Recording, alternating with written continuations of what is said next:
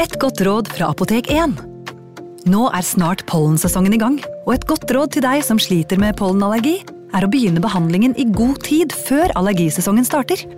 Da får du nemlig enda bedre effekt av legemidlene, og så blir ikke våren din helt ødelagt.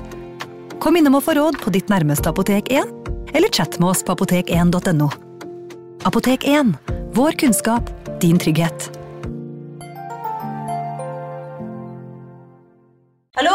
Jeg kommer fra Oslo politikammer. Ine Jansen er purk. Er du purk? The motherfucking bitch. Alt jeg vil, er å finne ut hva som skjedde med mannen min. Jon Carew. Er jeg sikta for noe? Iben Akeli. Det er du. Ole So, Lars Berrum og Big Daddy Karsten. Hvem sin side er du på, egentlig? Anette Hoff, Tone Danielsen, Kommer du fra Afrika? Jørnis Josef, Nesten kløfta. Trond Espen Seim, Det er synd å si det, men det var feil mann som døde. Purk. Premiere tirsdag på TV2 Play. Ungsamtalen fra DNB er økonomisk veiledning tilpasset deg som er ung. Bokk en ungsamtale på dnb.no. slash ung. Det er kjempebra hvis du skal inn på boligmarkedet, hvis det er drømmen din, liksom. Det er det du skulle sagt. Og så kunne du ropt litt mer, da, sånn som jeg gjorde. Bam! Advarsel. Denne podkasten inneholder skildringer av ekte drap og kriminalsaker som kan være støtende for enkelte. Det advares også mot sterke inntrykk i deler av episoden. Det er den 10. januar 2013. 17 år gamle Kendrick Johnson har ikke kommet hjem til avtalt tid, og moren hans begynner naturlig nok å bli bekymret. Moren hans, Jackie Johnson, kjente Kendrick som en snill gutt som holdt seg unna trøbbel, og når hun ikke får tak i han gjennom kvelden, ringer hun politiet. Dagen etter oppsøker hun skolen for å melde han savnet. Den 11. januar 2013 blir liket til Kendrick Johnson funnet i gymsalen på Lodens High School i Valdosa, Georgia. Politiet fastslår raskt at Kendricks dødsfall var et resultat av en ulykke. I hvert fall er det dette Kendricks familie opplever. Til tross for at det er mye med denne hendelsen som kan beskrives som mistenkelig, tar det kun ett døgn før politiet avslutter etterforskningen sin. Kendricks familie er derimot sikre på at det ikke er snakk om en ulykke, og at Kendrick har blitt drept. Etter hvert som saken utvikler seg, blir det for dem åpenbart at politiet ikke er interessert i å gjennomføre en rettferdig etterforskning, og frykter at deres manglende engasjement er rasemotivert. Spørsmålet blir så om Kendrick Johnson er offer for et rasistisk system, en større konspirasjon eller en dekkoperasjon. Eller om foreldrene hans i sorg og desperasjon leter etter en forklaring på noe som rett og slett var en tragisk ulykke. Dette er historien om Kendrick Johnson og det pågående mysteriet om hans dødsfall. Var det drap, eller var det uhell? Velkommen til True Crime Podden.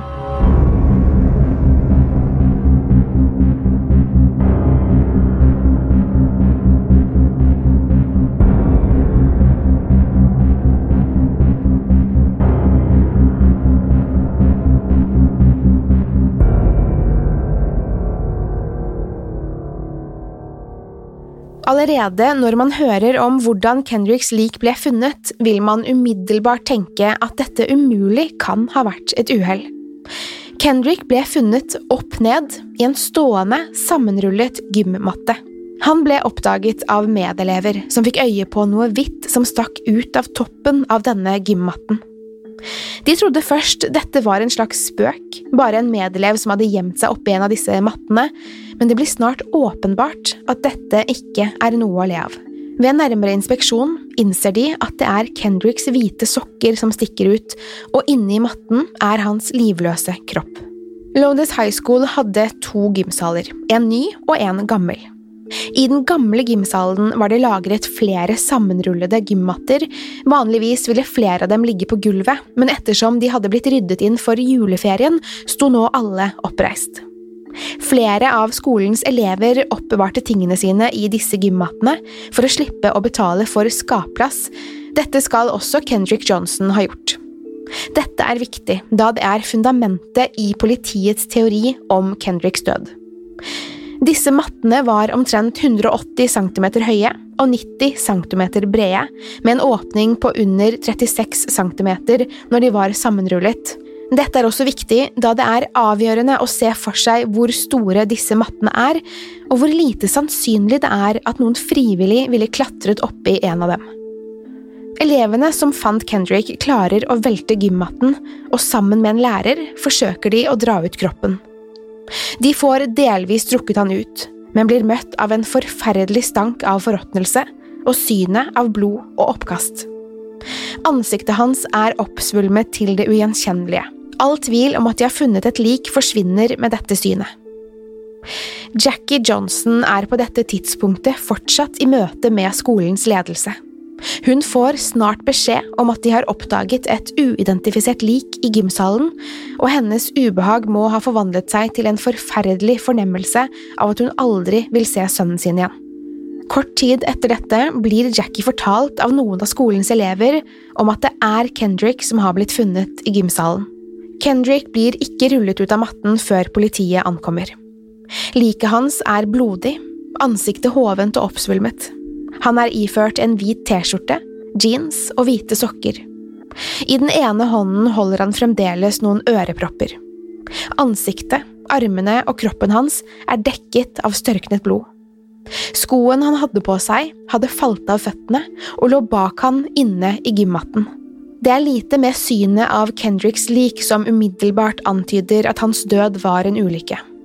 Kroppen hans bærer store sår og blåmerker. Ansiktet hans ser forslått ut.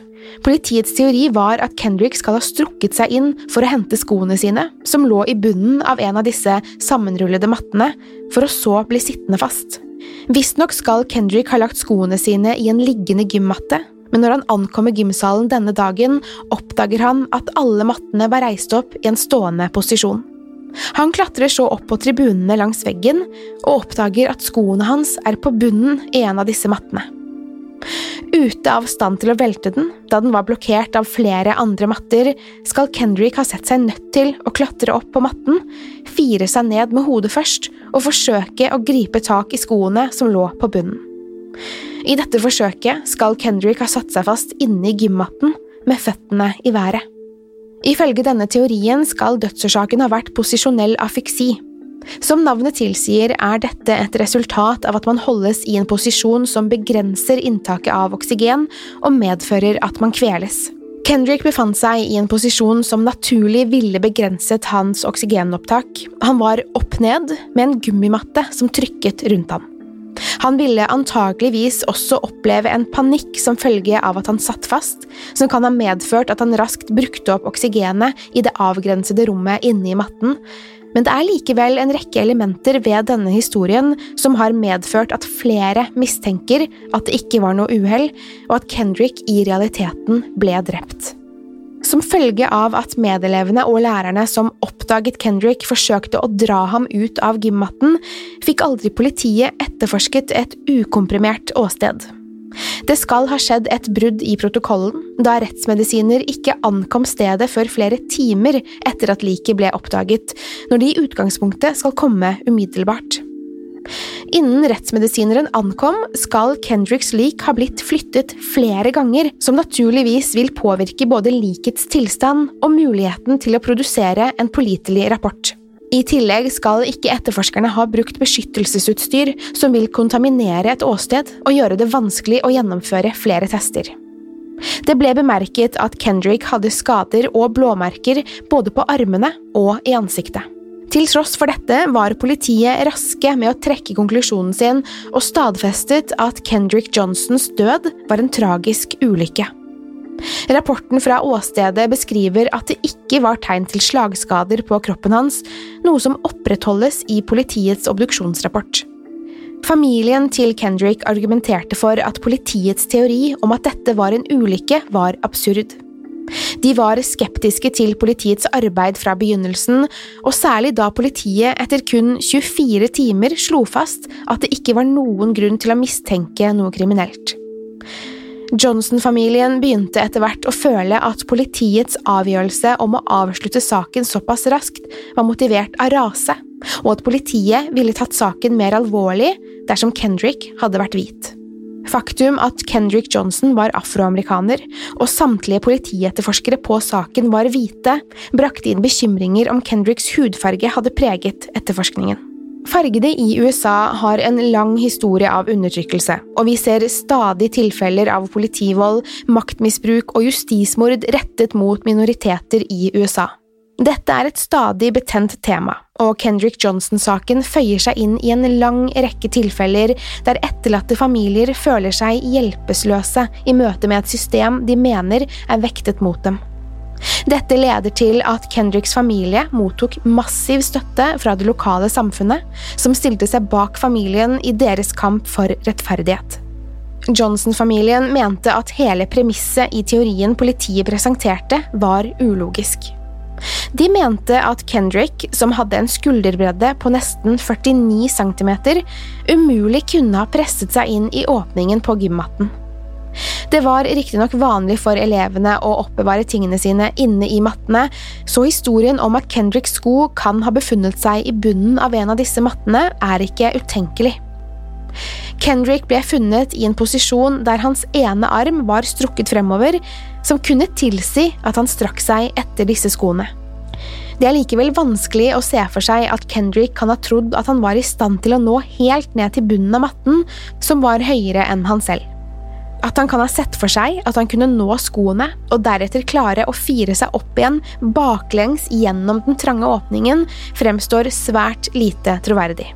Selv om man skulle godta at Kendrick forsøkte å fire seg ned i gymmatten, er det likevel et annet poeng som gjør dette svært mistenkelig. Ettersom Kendrick hang opp ned inne i gymmatten, rant alt blodet til hodet hans, og han begynte å blø fra kroppsåpningene i ansiktet. Fra øynene nesen og munnen. Naturlig nok rant derfor blodet nedover mot gulvet. Både Kendrick selv og innsiden av matten var svært blodige da politiet omsider rullet ham ut. Men det som er påfallende med dette, er at skoene på bunnen av matten, skoene Kendrick angivelig skal ha klatret inn i matten for å hente, ikke er dekket av blod. Disse joggeskoene er svarte, men med flere hvite detaljer, som ville gjort det enkelt å oppdage blod, men det er ikke en eneste dråpe blod på dem. For familien til Kendrick var dette et åpenbart tegn på at det var en kriminell handling, og indikerte at skoene kunne være plantet for å få det til å se ut som det hele var en ulykke. Det ble funnet blod på veggene i gymsalen. Dette ble testet og påvist at det ikke tilhørte Kendrick Johnson. Det ble riktignok rapportert at dette blodet kunne ha vært der før Kendricks dødsfall, men dette var det fulle omfanget av disse testene. Det er også underlig at dette blodet ikke hadde blitt tørket opp.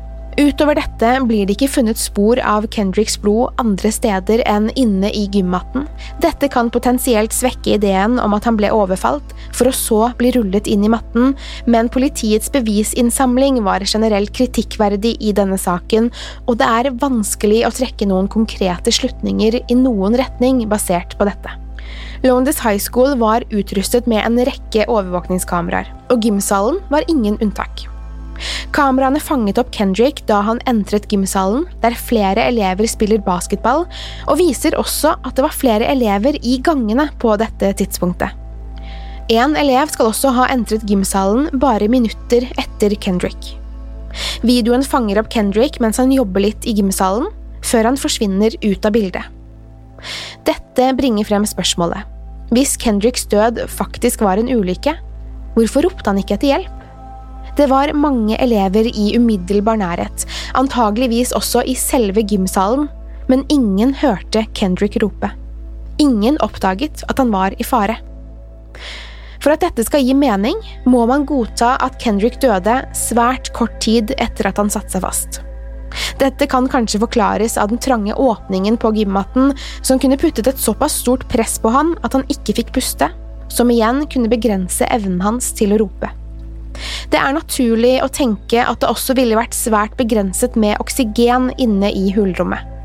Kanskje den tykke matten isolerte lyden så godt at stemmen hans ikke nådde frem til elevene i gymsalen? Kanskje han også ble så lammet av panikk at han ikke var i stand til å skrike? Kanskje han ikke innså hvor alvorlig situasjonen var før det var for sent? Det er likevel vanskelig å forestille seg at han ikke ville brukt sine siste åndedrag til å rope etter hjelp, og skreket for full hals inntil noen hørte han. Men spørsmålet forblir det samme dersom han faktisk ble drept. Med såpass mange elever i eller rundt gymsalen, hvordan kunne en elev bli drept og deretter rullet opp eller dyttet inn i en av disse gummimattene uten at noen la merke til at det skjedde? De villeste konspirasjonene i saken peker mot at flere elever kanskje vet mer enn de deler, kanskje har de blitt truet til å ikke fortelle sannheten? Enten han ble angrepet eller om politiets teori stemmer, er det uansett vanskelig å se for seg at ingen på en skole med 3000 elever hørte eller så noe av Kendricks siste minutter. Da Kendrick ble funnet, var kroppen hans allerede oppsvulmet og overraskende nedbrutt til å ha vært død under et døgn. Dette korresponderer med ideen om at han må ha dødd kort tid etter at han havnet inne i matten, enten det var via en ulykke eller at han ble drept og plassert der. Forråtnelsen og hevelsen av kroppen kan også ha blitt fremskyndet av den høye temperaturen inne i matten. Man skulle kanskje tro at de mange overvåkningskameraene på skolen ville avklart saken i løpet av kort tid. Dessverre var det lite å hente fra overvåkningsbildene fra denne dagen. Det eneste videoene avklarer, er det vi allerede vet. At Kendrick befant seg i gymsalen i tidsrommet da han døde. Det finnes ingen bilder av at Kendrick klatrer inn i gymmatten, ingen bilder av at han blir overfalt, det finnes rett og slett ingen bilder som gir noen konkrete svar på hva som hendte med Kendrick den ettermiddagen. Det var kameraer inne i gymsalen, men bildene er enten så ufokuserte at det er umulig å se hva som foregikk, eller utenfor rekkevidden på kameraene. Det har vært mange konspirasjoner knyttet til en oppdagelse som tilsynelatende peker mot at det mangler flere timer med oppdag fra denne dagen. Dette ble sett i kombinasjon med at familien angivelig måtte saksøke skolen for å få dem til å frigi videomaterialet. Dette stemmer egentlig ikke, da skolen av juridiske grunner ikke kan gi fra seg overvåkningsopptak. Videoen fra denne dagen ble riktignok frigitt så snart en rettsordre var på plass. Mangelen på konkrete svar fra disse opptakene føyet seg uansett inn i familiens mistanke om at noen forsøkte å dekke over drapet på sønnen deres. Det manglende opptaket har riktignok fått en troverdig forklaring, da dette kun skal være som følge av at kameraenes tidskoder ikke var synkronisert med hverandre. Familien Johnson var svært opptatt av å fremme sitt budskap om at Kendricks død ikke var en ulykke, og de har selv sluppet flere bilder av Kendrick etter hans død i et forsøk på å overbevise allmennheten om dette. Disse bildene ligger tilgjengelig på internett og er svært grafiske. Bildene viser de omfattende skadene på Kendricks ansikt, og familien har frigitt disse med hensikt om at det vil fjerne all tvil om at Kendrick ble drept. Kendricks familie lykkes til slutt i å få Kendricks kropp gravd opp, slik at en ny obduksjon kunne gjennomføres.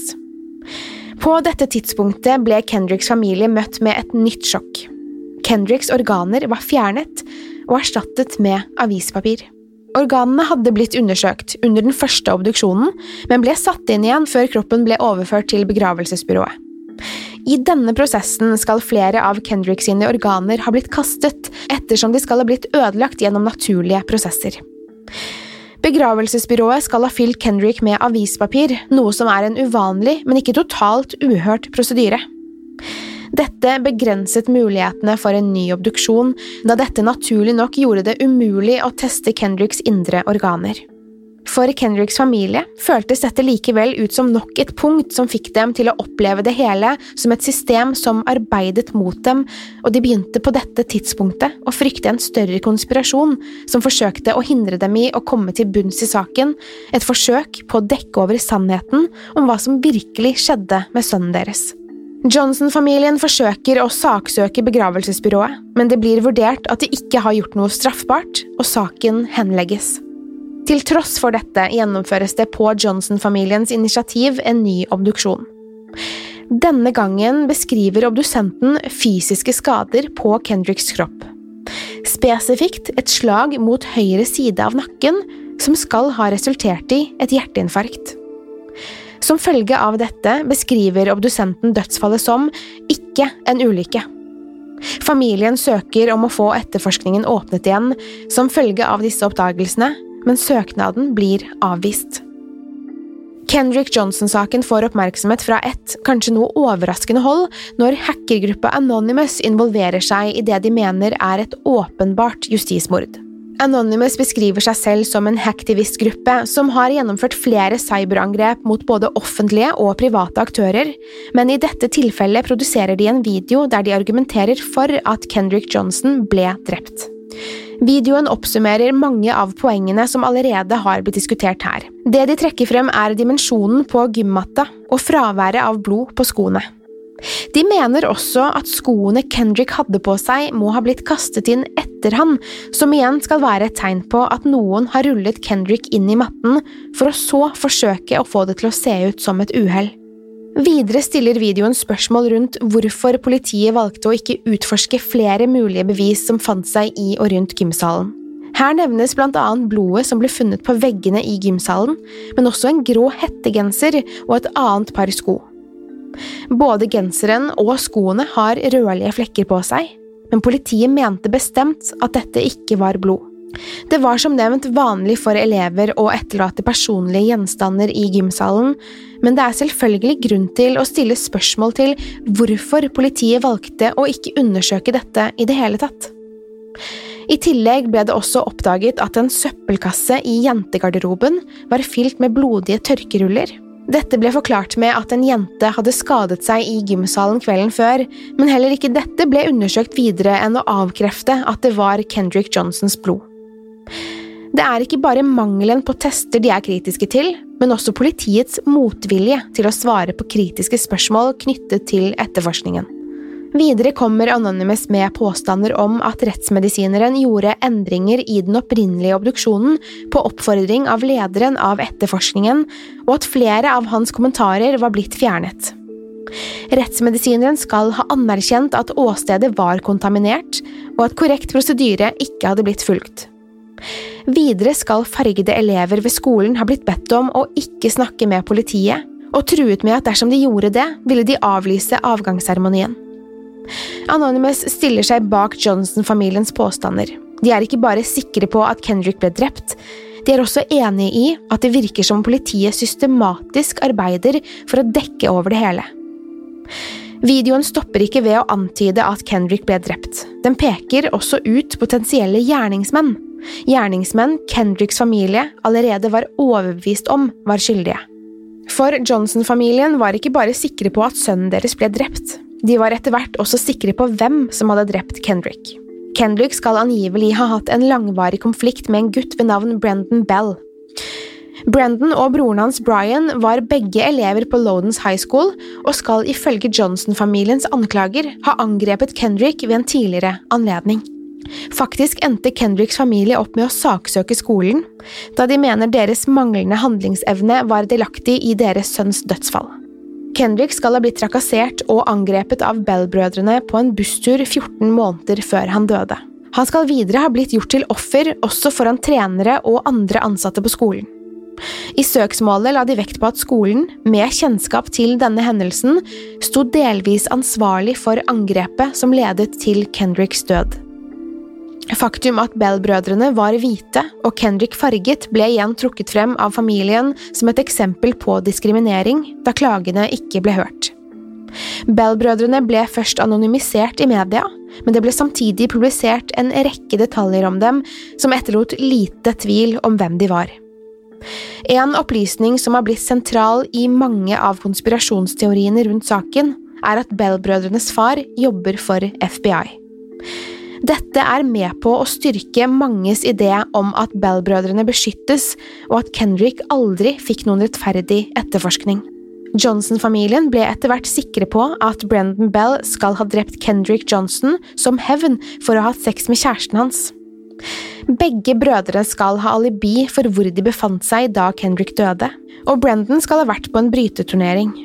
Det har riktignok vært litt tvil rundt den eksakte avgangen for bussen han skal ha tatt, og det er fremdeles mange som nekter å utelukke Brendan som en potensiell drapsmann.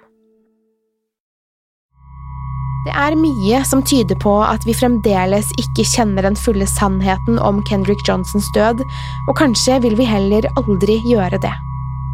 Spørsmålet forblir det samme. Var det en ulykke, eller ble Kendrick drept? Kendricks familie har fortsatt å søke etter sannheten, men man kan spørre seg om de også har blitt besatt av tanken på å finne en morder, noen som kan stå skyldig for sønnens tragiske død. Forhåpentligvis er det sannheten som motiverer dem, og ikke at hevnlyst eller andre umoralske formål som har blitt den reelle drivkraften. Det er enkelt å forstå familiens frustrasjon i møte med politiets manglende behjelpelighet og vilje til å lytte, deres motvilje til å etterforske alle mulige vinkler. Det er åpenbart flere bevis i Kendrick Johnson-saken som burde bli vurdert på nytt, men det er kanskje for sent å håpe at dette vil lede til nye oppdagelser. Familien vil uansett aldri få Kendrick tilbake, men kanskje håper de at hans død til syvende og sist kan bety noe i det store bildet. True Crime-poden er produsert av moderne media. Mitt navn er Pernille Tufte Radeid, og jeg vil takke Håkon Bråten for produksjon, lyd og musikk, og Anders Borgersen for tekst og manus. Til neste gang, pass på deg selv, og takk for at du har hørt på True Crime-poden.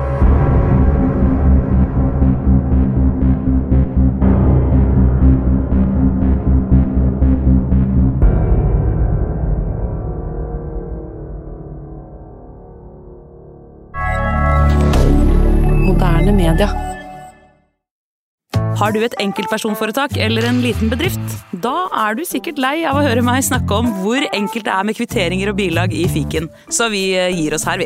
Fordi vi liker enkelt. Fiken superenkelt regnskap. Hei! Takk for at du lytter til True Crime Podden. Skulle du ønske at du kunne høre en ny episode av denne podkasten hver eneste uke? Vel, da er det bare å laste ned podkastappen Untold med en gang. I tillegg til ukentlige episoder av podkaster som Skrekkpodden, Synderne og Henrettelsespodden, får du masse annet reklamefritt og eksklusivt innhold. Last ned Untold i AppStore eller Google Play, og start din 30 dagers prøveperiode i dag.